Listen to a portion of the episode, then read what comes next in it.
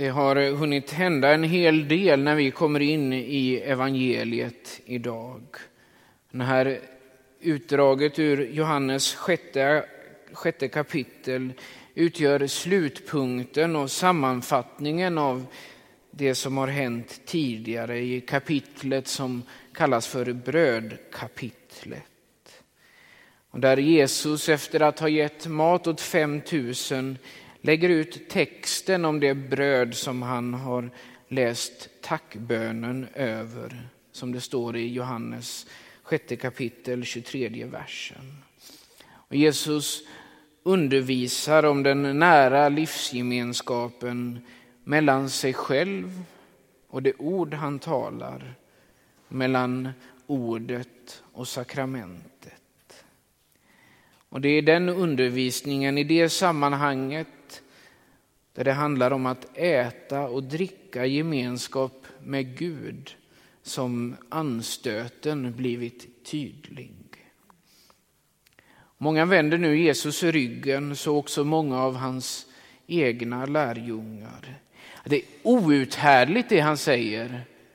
Vem orkar lyssna på honom?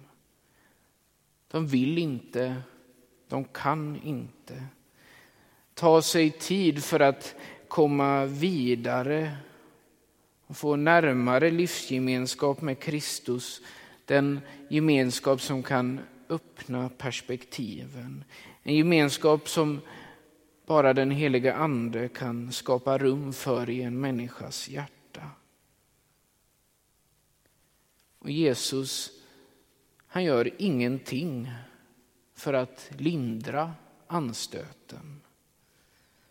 Han hade talat om att äta hans kött och dricka hans blod. Att det var vägen till gemenskap med honom för att komma närmare honom. Inte heller kyrkan tvekar att kalla nattvardens bröd och vin för Kristi kropp och blod.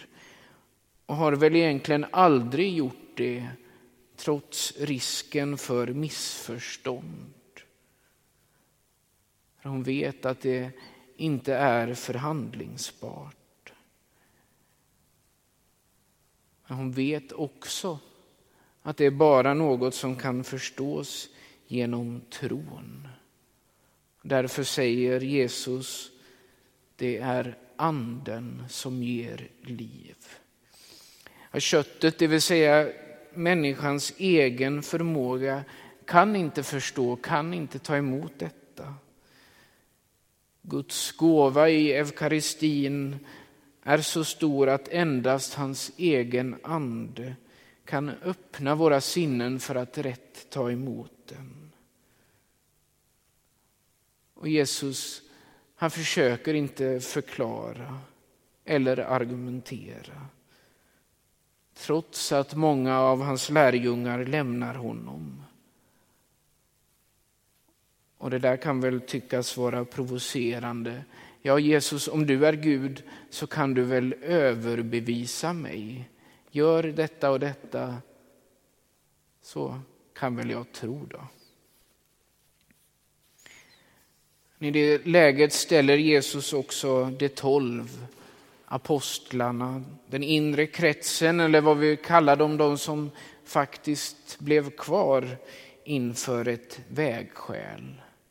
Han frågar dem, inte vill ni väl också gå er väg?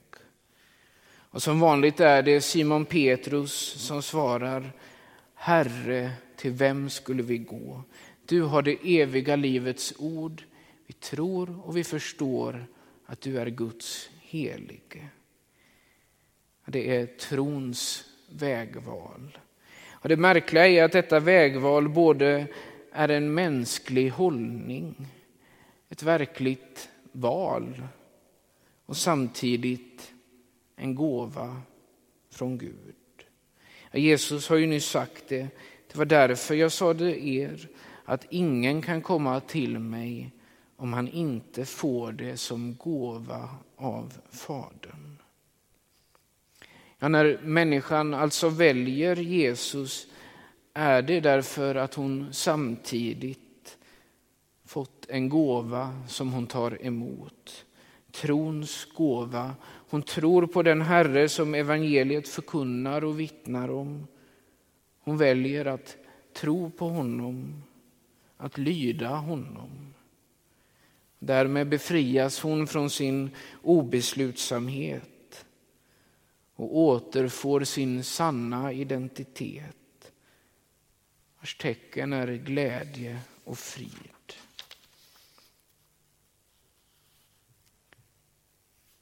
För den som en gång har börjat ana finns det ingen annan väg att gå än närmare källan.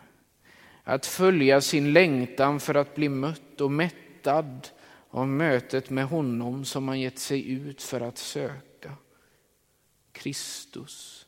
Ja, det kan ta tid. Det kan kosta brottning och upplevas som torka och sällan stillad hunger som ett stigmata kring vänner och familj. Ändå är det denna överlåtelse, dragningen närmare honom, närmare Kristus i och genom ordet som är vägen att gå. Vägen till en mer personligt anammad tro. Tillit till den kärlek från Gud som söker oss. Ja, så talar Petrus inte bara för sig själv eller om sig själv. Hans svar inkluderar inte bara de andra elva lärjungarna vid det tillfället. Hans svar får även inkludera dig. Och just där kanske vi får befinna oss, vara ibland. Burna av någon annans trosvissare svar än mitt eget.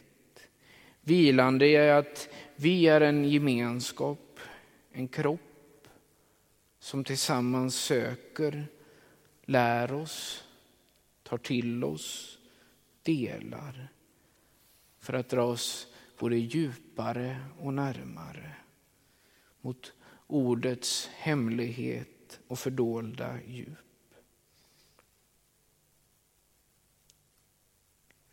Men Petrus, ja, han vet också något mer.